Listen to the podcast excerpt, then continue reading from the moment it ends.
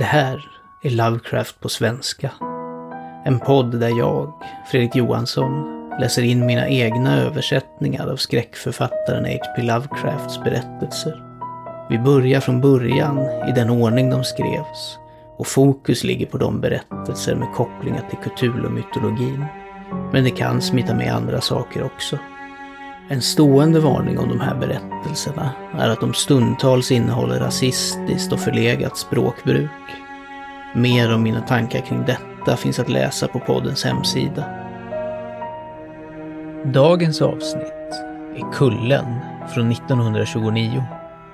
Detta är den andra berättelsen som Lovecraft skrev åt Celia Bishop på hennes beställning.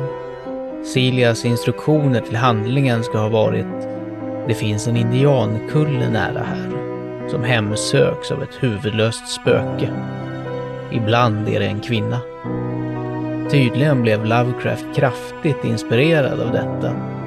För denna berättelse växte snabbt till en av hans längre och kommer i podden läsas in som sju avsnitt. Under sitt arbete som indianantropolog får vår berättare nys om en alldeles särskild spökhistoria. Ute vid en ensam kulle i Oklahoma cirkulerar många märkliga legender som går långt bakåt i tiden. Kullen hemsöks dag som natt av två underliga spöken som tycks vaka över platsen. De som försökt utforska kullen har antingen försvunnit eller återvänt förändrade. Men framför allt ska de spöken som uppehåller sig vid kullen vara fullt synliga från den närliggande staden. Och eftersom vår antropolog känner till platsen från tidigare undersökningar beslutar han sig för att ta sig till Binger och se kullen med egna ögon. God lyssning. Kullen Del 1 Det är först under de senaste åren som de flesta människor har slutat tänka på västern som ett nytt land. Jag antar att idén har vunnit mark eftersom vår egna speciella civilisation råkar vara ny där. Men nu för tiden gräver upptäcktsresande under ytan och tar fram hela kapitel om liv som steg och föll bland dessa slätter och berg innan den nedtecknade historien började.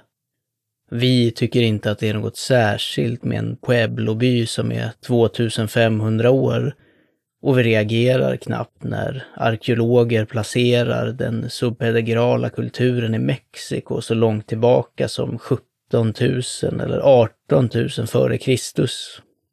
Vi hör rykten om äldre saker också. Om primitiva människor samtida med utdöda djur och kända idag endast genom några få fragmentariska ben och artefakter. Så idén om nytt bleknar ganska snabbt. Europeer uppfattar vanligtvis känslan av urminnes forntid och djupa fyndigheter från successiva livsströmmar bättre än vi gör. För ett par år sedan talade en brittisk författare om Arizona som en måndunkel region, mycket vacker på sitt sätt och tom och gammal. Ett forntida, ensligt land. Ändå tror jag att jag har en djupare känsla för den bedövande, nästan hemska antikviteten i västern än någon europé. Allt kommer sig från en incident som skedde 1928. En incident som jag mycket gärna skulle vilja avfärda som en tre fjärdedels hallucination, men som har lämnat ett så fruktansvärt fast intryck i mitt minne att jag inte kan skjuta bort det särskilt lätt. Det var i Oklahoma, dit mitt arbete som amerikansk indianetnolog ständigt förde mig och där jag hade stött på några djävulskt märkliga och förbryllande saker tidigare. Missta er inte. Oklahoma är så mycket mer än ett simpelt gränsland för pionjärer och främjare.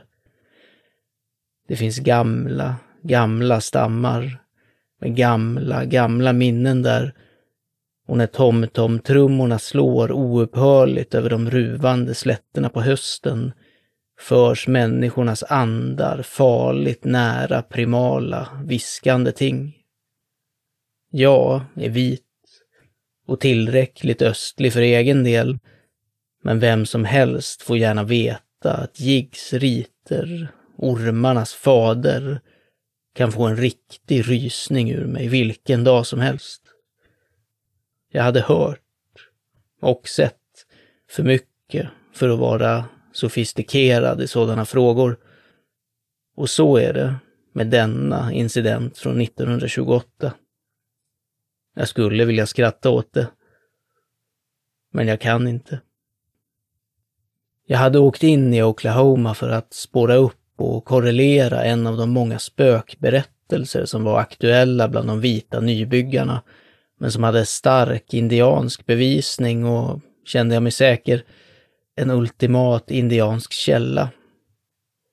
De var märkliga, dessa lägereldsspökberättelser, och även om de lät platta och prosaiska i munnen från de vita människorna var de öronmärkta med länkar till några av de rikaste och mest obskyra faserna av infödingarnas mytologi.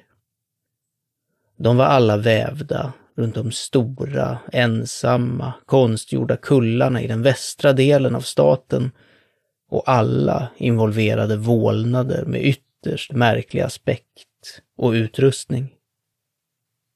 Den vanligaste och bland de äldsta blev riktigt berömd 1892 när en regeringstjänsteman vid namn John Willis färdades in i kullregionen i jakt på hästtjuvar och kom ut därifrån med vilda berättelser om nattliga kavallerihästar i luften mellan stora arméer av osynliga spöken. Strider som innefattade rusandet av hovar och fötter, dunsen från slag, klangen av metall på metall, krigares dämpade rop och fallen av människo och hästkroppar.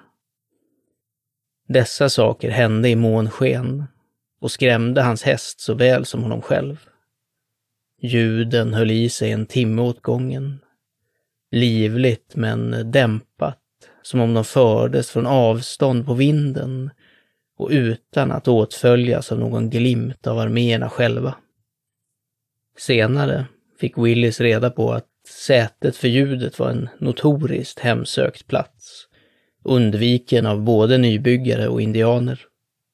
Många hade sett, eller till hälften sett, de krigande ryttarna på himlen och hade gett dunkla, tvetydiga beskrivningar. Nybyggarna beskrev de spöklika kämparna som indianer, fast inte från någon bekant stam, och med de mest egendomliga dräkter och vapen. De gick till och med så långt som att säga att de kunde inte vara säkra på att hästarna verkligen var hästar. Indianerna å ena sidan tycktes inte se vålnaderna som släkt. De hänvisade till dem som de där, det gamla folket eller de som dväljs nedan och verkade hålla dem i en alltför stor skrämd vördnad för att tala mycket om dem. Ingen etnolog hade någonsin kunnat få en sagoberättare att exakt ange en specifik beskrivning av varelserna och tydligen hade ingen någonsin fått en tydlig titt på dem. Indianerna hade ett eller två gamla ordspråk om dessa fenomen och sa att män, mycket gamla, gör mycket stor ande. Inte så gammal, inte så stor äldre än alltid. Då ande så stor han nära kött. Det gamla folket och andar de blandar ihop. Bli alla samma. Allt detta är såklart gammal skåpmat för en etnolog. Från ett stycke om de ihärdiga legenderna om rika, gömda städer och begravda raser som finns i överflöd bland pueblo och prärieindianerna och som lockade Coronado för århundraden sedan i hans fåfänga sökande efter det mytomspunna Quivira. Det som förde mig in i västra Oklahoma var något mycket mer definitivt och påtagligt. En lokal och särpräglad berättelse vilken, trots att den var riktigt gammal, var helt ny för omvärldens forskning och som involverade de första tydliga beskrivningarna av spökena som den behandlade. Det fanns en extra spänning i det faktum att den kom från den avlägsna staden Binger i Cado County, en plats som jag länge hade känt som platsen för en mycket fruktansvärd och delvis oförklarlig händelse kopplad till ormgudsmyten. Berättelsen utåt sett var extremt naiv och enkel och centrerad kring en enorm ensam höjd eller en liten kulle som reste sig över slätten ungefär en tredjedels mile väster om byn. En kulle som vissa trodde var ett naturligt alster, men som andra trodde var en gravplats eller en ceremoniell upphöjning konstruerad av förhistoriska stammar. Denna kulle, sa byborna, hemsöktes ständigt av två indianfigurer, vilka dök upp omväxlande. En gammal man som vandrade fram och tillbaka längs toppen från gryning till skymning, oavsett väder, och med korta intervaller då han försvann. Och en skå som tog hans plats på natten med en fackla med blå flamma som glimmade helt oavbrutet till morgonen. När månen var ljus kunde skåens märkliga figur ses ganska tydligt och över hälften av byborna var överens om att uppenbarelsen var huvudlös. Lokala åsikter var delade vad gällde motiven och den relativa spökligheten hos de två visionerna. Vissa menade att mannen inte alls var ett spöke, utan en levande indian som hade dödat och halshuggit en skå för guld och begravt henne någonstans på kullen. Enligt dessa teoretiker gick han fram och tillbaka på höjden av ren ånger, bunden av anden från sitt offer som tog synlig form efter mörkret. Men andra teoretiker, mer enhetliga i sina spektrala övertygelser, ansåg att både man och kvinna var spöken. Mannen hade dödat skåen och sig själv också i någon mycket avlägsen period. Dessa och mindre varierande versioner tycktes ha varit aktuella ända sedan bosättningen av Wichita-marken 1889 och var, fick jag veta, upprätthållna till en häpnadsväckande grad av fortfarande existerande fenomen som vem som helst kunde observera själv. Det är inte många spökberättelser som erbjuder så tillgängliga och öppna bevis. Och jag var mycket angelägen om att se vilka bisarra underverk som kunde lura i denna lilla, obskyra by så långt från folkmassors upptrampade vägar och från den vetenskapliga kunskapens hänsynslösa strålkastare. Så, på sensommaren 1928 tog jag ett tåg till Binger och grubblade över konstiga mysterier medan vagnarna skyggt skramlade längs sitt enkelspår genom ett ensligare och ensligare landskap. Binger är en blygsam samling av ramhus och butiker mitt i en platt, blåsig region full med moln av rött damm. Det finns runt 500 invånare, förutom indianerna i ett angränsande reservat. Den huvudsakliga sysselsättningen tycks vara jordbruk. Jorden är hyfsat bördig och oljebommen har inte nått den här delen av staten. Mitt tåg anlände i skymningen och jag kände mig ganska vilsen och orolig, avskuren från hälsosamma och vardagliga saker, när det ångade iväg söderut utan mig. Stationsplattformen var fylld av nyfikna dagdrivare som alla verkade ivriga att visa mig vägen när jag frågade efter mannen som jag hade ett introduktionsbrev till. Jag föstes längs en vanlig huvudgata vars gropiga yta var röd av landets sandstensjord och överlämnades till slut vid dörren till min presumtiva värd. De som hade arrangerat sakerna för mig hade gjort det väl. För Mr Compton var en man av hög intelligens och lokalt ansvar, medan hans mor, som bodde med honom och var välkänd som farmor Compton, var en från den första pionjärgenerationen och en veritabel guldgruva av anekdoter och folksägner. Den kvällen sammanfattade Comptons alla legender som var aktuella bland byborna för mig och bevisade att fenomenet jag kommit för att studera verkligen var ett förbryllande och viktigt sådant. Spökena, verkade som, accepterades nästan som en självklarhet av alla i Binger.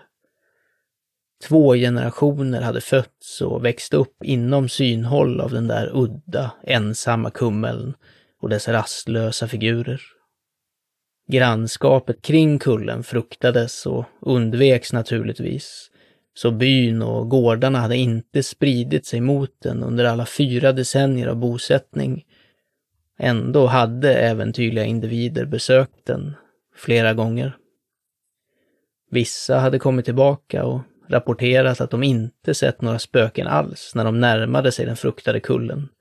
Att den ensamma vaktposten på något sätt hade klivit utom synhåll innan de nådde platsen vilket gett dem möjligheten att klättra upp för den branta sluttningen och utforska den platta toppen. Det fanns ingenting där uppe, sa de. Bara en ojämn yta med undervegetation. Var den vakande indianen kunde ha försvunnit hade de ingen aning om. Han måste, tänkte de, ha tagit sig ner för sluttningen och på något sätt lyckats fly osedd över slätten även om det inte fanns något lämpligt skydd inom synhåll. I varje fall verkar det inte finnas någon öppning in i kullen. En slutsats som nåddes efter omfattande undersökningar av buskaget och det höga gräset på alla sidorna. I några fall förklarade några av de mer känsliga sökarna att de kände en slags osynlig, återhållande närvaro men de kunde inte beskriva det mer definitivt än så. Det var helt enkelt som om luften tjocknade mot dem i den riktningen de önskade röra sig. Det är överflödigt att nämna att alla dessa vågade undersökningar genomfördes på dagtid. Ingenting i universum kunde ha förmått någon människa, vit eller röd, att närma sig den där olycksbådande höjden efter mörkrets inbrott och sannerligen, ingen indian skulle ha tanke på att gå nära den ens i det starkaste solljuset. Men det var inte från berättelserna från dessa sansade, observanta sökare som den huvudsakliga skräcken från spökkullen uppstod. Faktiskt, om deras upplevelse varit typiskt skulle fenomenet ha varit mycket mindre framträdande i de lokala legenderna. Den ondaste saken var det faktum att många andra sökare hade kommit tillbaka märkligt försvagade i kropp och själ, eller hade inte kommit tillbaka alls. Det första av dessa fall inträffade 1891 när en ung man vid namn Heaton hade gått med en spade för att se vilka dolda hemligheter han kunde gräva upp. Han hade hört märkliga berättelser från indianerna och hade skrattat åt den karga rapporten från en annan yngling som hade varit ute till kullen och inte funnit något. Heaton hade bevakat kullen med en kikare från byn medan den andra ynglingen gjort sin resa. Och när utforskaren närmade sig platsen såg han den vakande indianen avsiktligt gå ner i kummen, som om det fanns en lucka och trappa på toppen. Den andra ynglingen hade inte märkt hur indianen försvann, utan hade bara funnit honom borta när han anlände till kullen. När Hiten gjorde sin egen resa bestämde han sig för att gå till botten med mysteriet och iakttagare från byn såg honom hacka ihärdigt på buskarna på toppen av kullen. Sedan såg de hur hans gestalt långsamt smälte in i osynlighet för att inte dyka upp igen under flera timmar förrän efter att skymningen kommit och facklan från den huvudlösa skåen glimmade kusligt på den avlägsna höjden. Ungefär två timmar efter mörkrets inbrott vacklade han in i byn minus sin spade och andra tillhörigheter och brast ut i en skrikande monolog av osammanhängande yrande. Han ylade om chockerande avgrunder och monster, om hemska sniderier och statyer, om omänskliga infångare och groteska tortyrer, och om andra fantastiska abnormiteter, för komplexa och chimära för att ens minnas. Gamla, gamla, gamla, stönade han om och om igen. Store Gud, de är äldre än jorden och kom hit från någon annanstans. De vet vad du tänker och får dig att veta vad de tänker.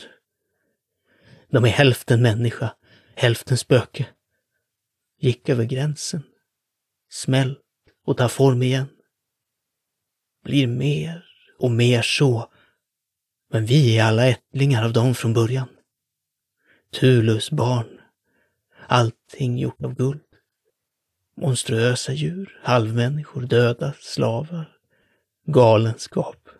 Ja, Shubnigorat, den vita mannen. Herregud, det de gjorde mot honom.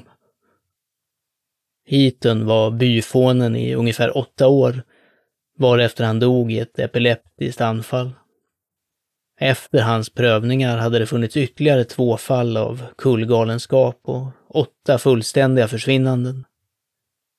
Omedelbart efter Hitans galna återkomst hade tre desperata och beslutsamma män gått ut i den ensamma kullen tillsammans, tungt beväpnade med spadar och hackor. Vakande bybor såg indianspöket smälta bort när utforskarna närmade sig och såg efteråt männen klättra upp på kullen och började spana runt omkring i undervegetationen.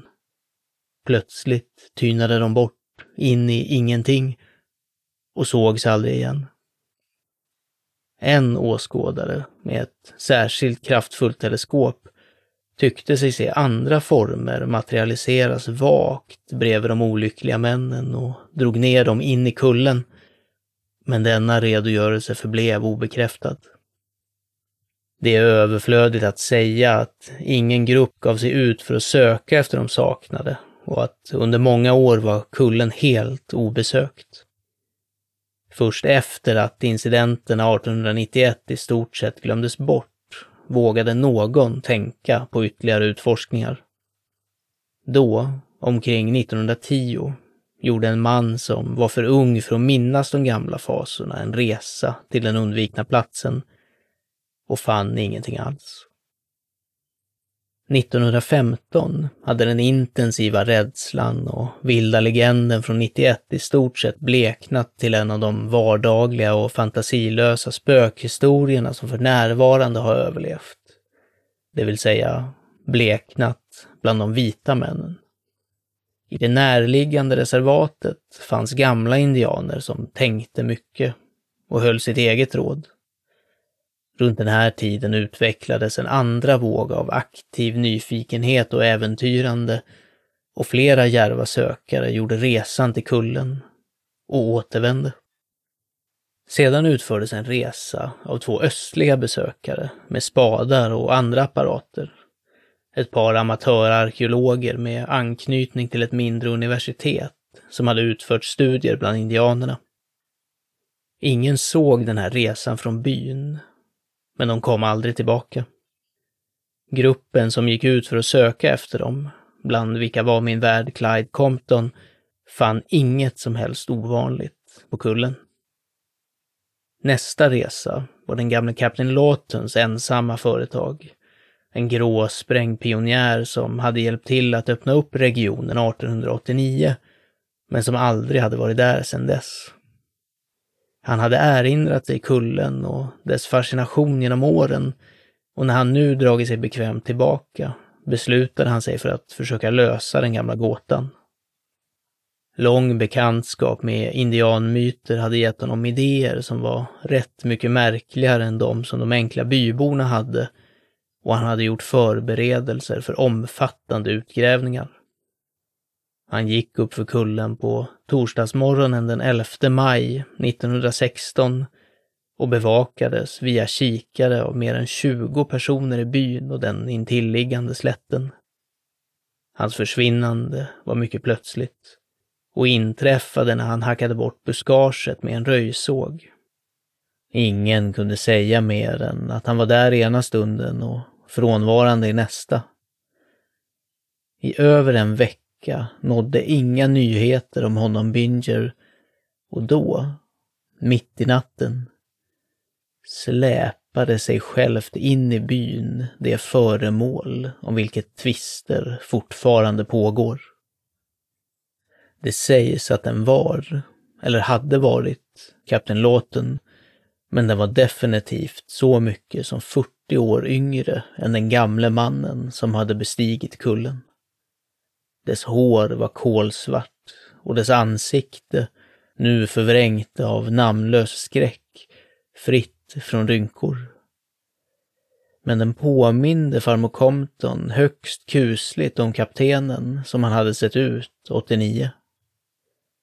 Dess fötter var omsorgsfullt avskurna vid anklarna och stumparna var så slätt läkta i en omfattning nästan otrolig om varelsen verkligen var den man som hade gått upprätt en vecka innan.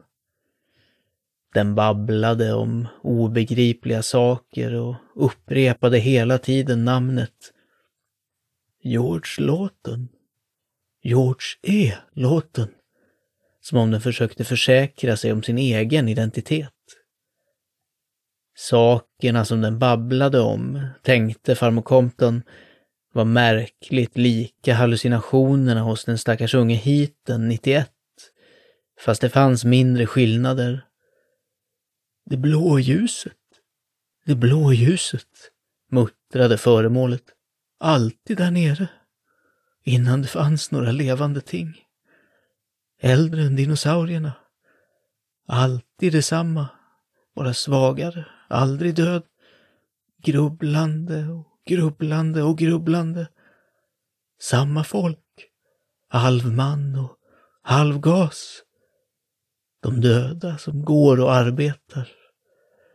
Åh, de där bästarna, de där halvmänskliga enhörningarna. Hus och städer av guld. Gamla, gamla, gamla. Äldre än tiden. Kom ner från stjärnorna. Store Tulo, Assatot. Njallatotep. Väntande, väntande. Föremålet dog innan gryningen. Det gjordes såklart en utredning och indianerna i reservatet grillades obarmhärtigt. Men de visste ingenting och hade ingenting att säga. Åtminstone hade ingen av dem något att säga, förutom gamle Grey Eagle, en Wichita-hövding vars ålder av mer än ett sekel satte honom över vanliga rädslor. Han ensam nedlät sig till att grymta några råd. Du låter dem vara, vita man. Inte bra, de männen. Alla under här, alla under där, de gamla. Jigg, ormarnas store far, han där. Jigg är Jigg. Tirava, mäns stora far, han där. Tirava är Tirava. Inte dö, inte bli gammal. Precis som luft.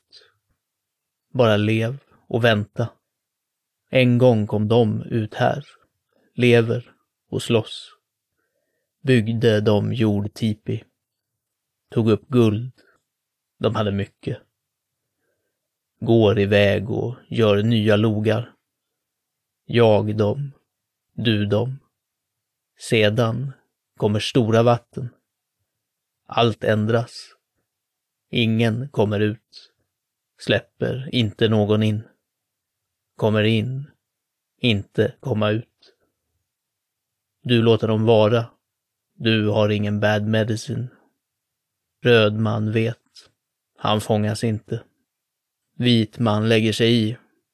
Han inte komma tillbaka. Håll borta småkullar. Inte bra. Grey Eagle säger detta. Om Joe Norton och Rance Wheelock hade tagit den gamla hövdingens råd hade de förmodligen varit här idag, men det gjorde de inte. De var stora läsare och materialister och fruktade ingenting i himmel eller jord. Och de trodde att några indianjävlar hade ett hemligt högkvarter inne i kullen. De hade varit på kullen förut och nu gick de igen för att hämnas gamle Kapten Låten och skröt om att de skulle göra det om de så var tvungna att riva ner kullen helt och hållet. Clyde Compton tittade på dem med en prismakikare och såg de runda foten på den olycksbådande kullen. Tydligen menade de att undersöka sitt territorium mycket gradvis och minutiöst. Minuterna gick och de dök inte upp. De sågs heller aldrig igen. Återigen var kullen en sak av panisk skräck och endast spänningen från det stora kriget tjänade till att återigen placera den i bakgrunden bland Bingers folksägner. Den var obesökt från 1916 till 1919 och skulle ha förblivit så om det inte var för järvheten av några ungdomar som kommit tillbaka från tjänstgöring i Frankrike. Från 1919 till 1920 däremot var det en veritabel epidemi av kullbesök bland de i förtid härdade unga veteranerna. En epidemi som steg när den ena ungdomen efter den andra återvände oskadd och föraktfull. Vid 1920, så kort är mänskligt minne, var kullen nästan ett skämt och den tama historien om den mördade skåen började tränga undan de mörkare viskningarna på allas tungor. Då bestämde sig två vårdslösa unga bröder, de särskilt fantasilösa och hårdkokta klejpojkarna, för att gå och gräva upp den begravda skåen och det guld som den gamle indianen hade mördat henne för. De gick ut en september eftermiddag Runt den tiden då indianernas tomtomtrummor börjar sitt oupphörliga årliga bankande över de platta, röddammiga slätterna. Ingen bevakade dem och deras föräldrar blev inte oroliga över att de inte återvände förrän efter flera timmar. Då kom ett larm och en sökgrupp och ytterligare en resignation för mysteriet av tystnad och tvivel men en av dem kom tillbaka trots allt. Det var Ed, den äldsta, och hans halmfärgade hår och skägg hade blivit albinovitt, två tum från rötterna. På hans panna fanns ett udda ärr som en märkt hieroglyf. Tre månader efter att han och hans bror hade försvunnit smög han sig in i sitt hus på natten klädd endast i en märkligt mönstrad filt som han kastade in i elden så fort han fått på sig en dräkt av sina egna kläder.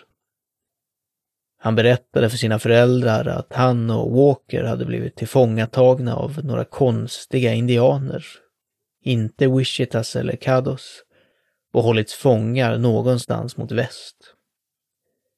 Walker hade dött under tortyr, men han själv hade lyckats fly till ett högt pris. Upplevelsen hade varit i synnerhet hemsk och han kunde inte prata om den just då. Han måste vila. Och hur som helst skulle det inte hjälpa att slå larm och försöka hitta och straffa indianerna. De var inte av en sort som kunde fångas eller straffas. Och det var särskilt viktigt i Bingers intresse, för världens intresse, att de inte förföljdes in i sin hemliga lya.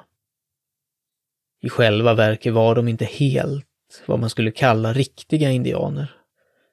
Han skulle förklara det senare. Under tiden måste han vila. Bäst att inte väcka byn om nyheten om hans återkomst.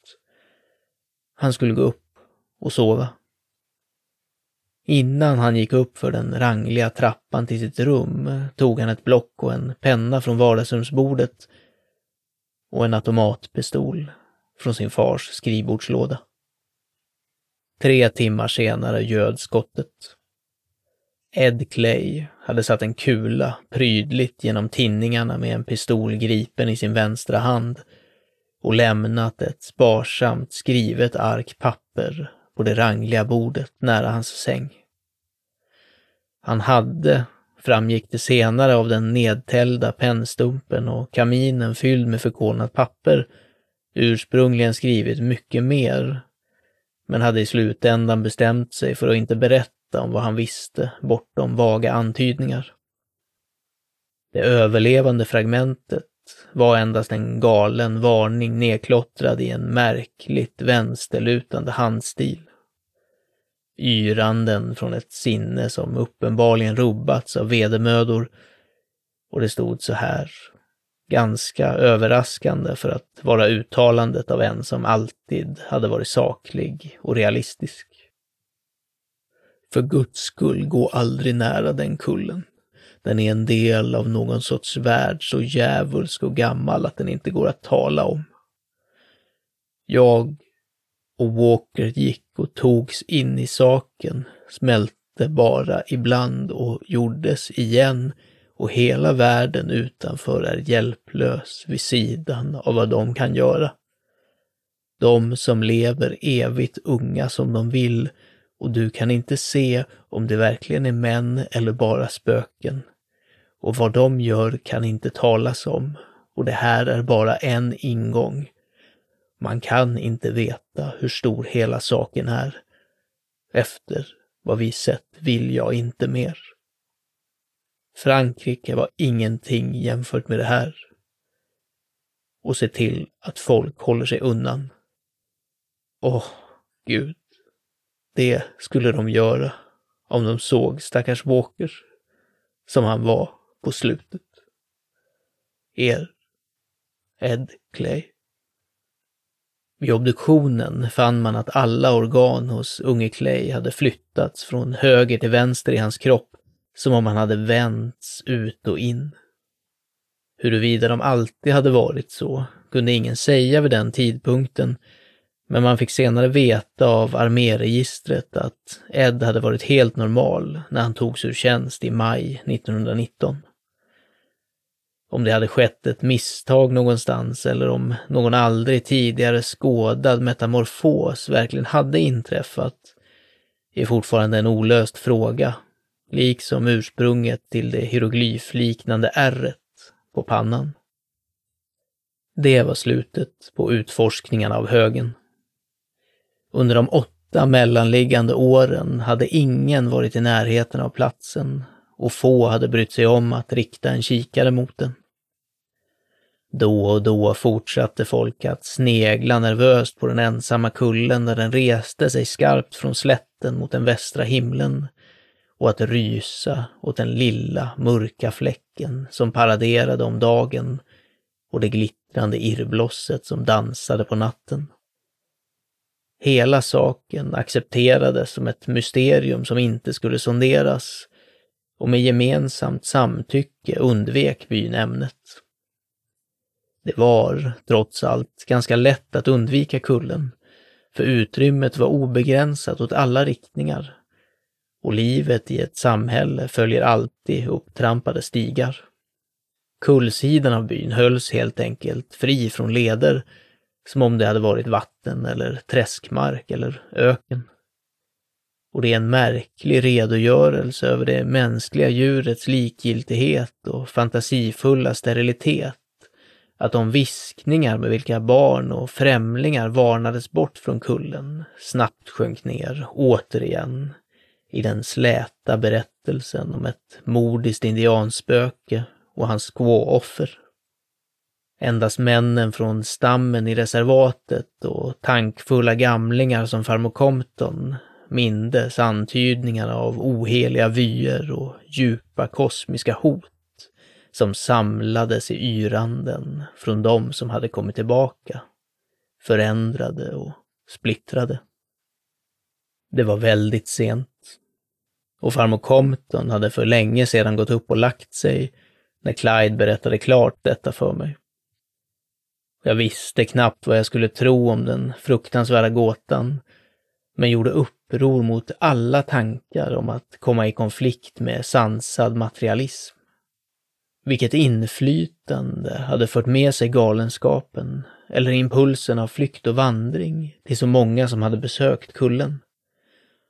Även om jag blev präglad blev jag sporrad snarare än avskräckt.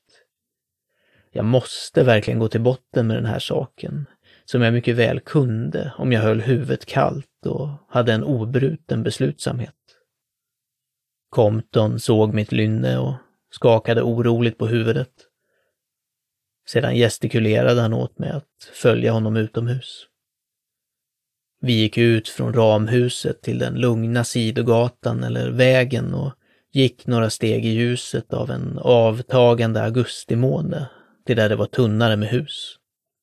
Halvmånen var fortfarande låg och hade inte skymt många stjärnor på himlen, så jag kunde se inte bara de västliga glimtarna från Alter och Vega, utan också det mystiska skimret från Vintergatan när jag såg ut över den omfattande vidden av jord och himmel i den riktning som Compton pekade. Då såg jag plötsligt en gnista som inte var en stjärna. En blåaktig gnista som rörde sig och glimmade mot Vintergatan nära horisonten och som på ett vagt sätt tycktes mer ond och illvillig än något annat på valvet ovanför. I ett annat ögonblick stod det klart att denna gnista kom från toppen, från en långt avlägsen höjning på den utbredda och svagt upplysta slätten. Och jag vände mig till Compton med en fråga. Ja, sa han. Det är det blå spökljuset. Och det är kullen. Det finns inte en natt i historien som vi inte har sett den. Och inte en levande själ i Binger skulle gå ut över den slätten mot den. Inget gott kommer därifrån, unge man. Och om du är klok låter du det vila där det är. Avbryt ditt sökande pojk. Och ta itu med några av de andra indianlegenderna häromkring. Vi har många att hålla dig sysselsatt med, ska gudarna veta.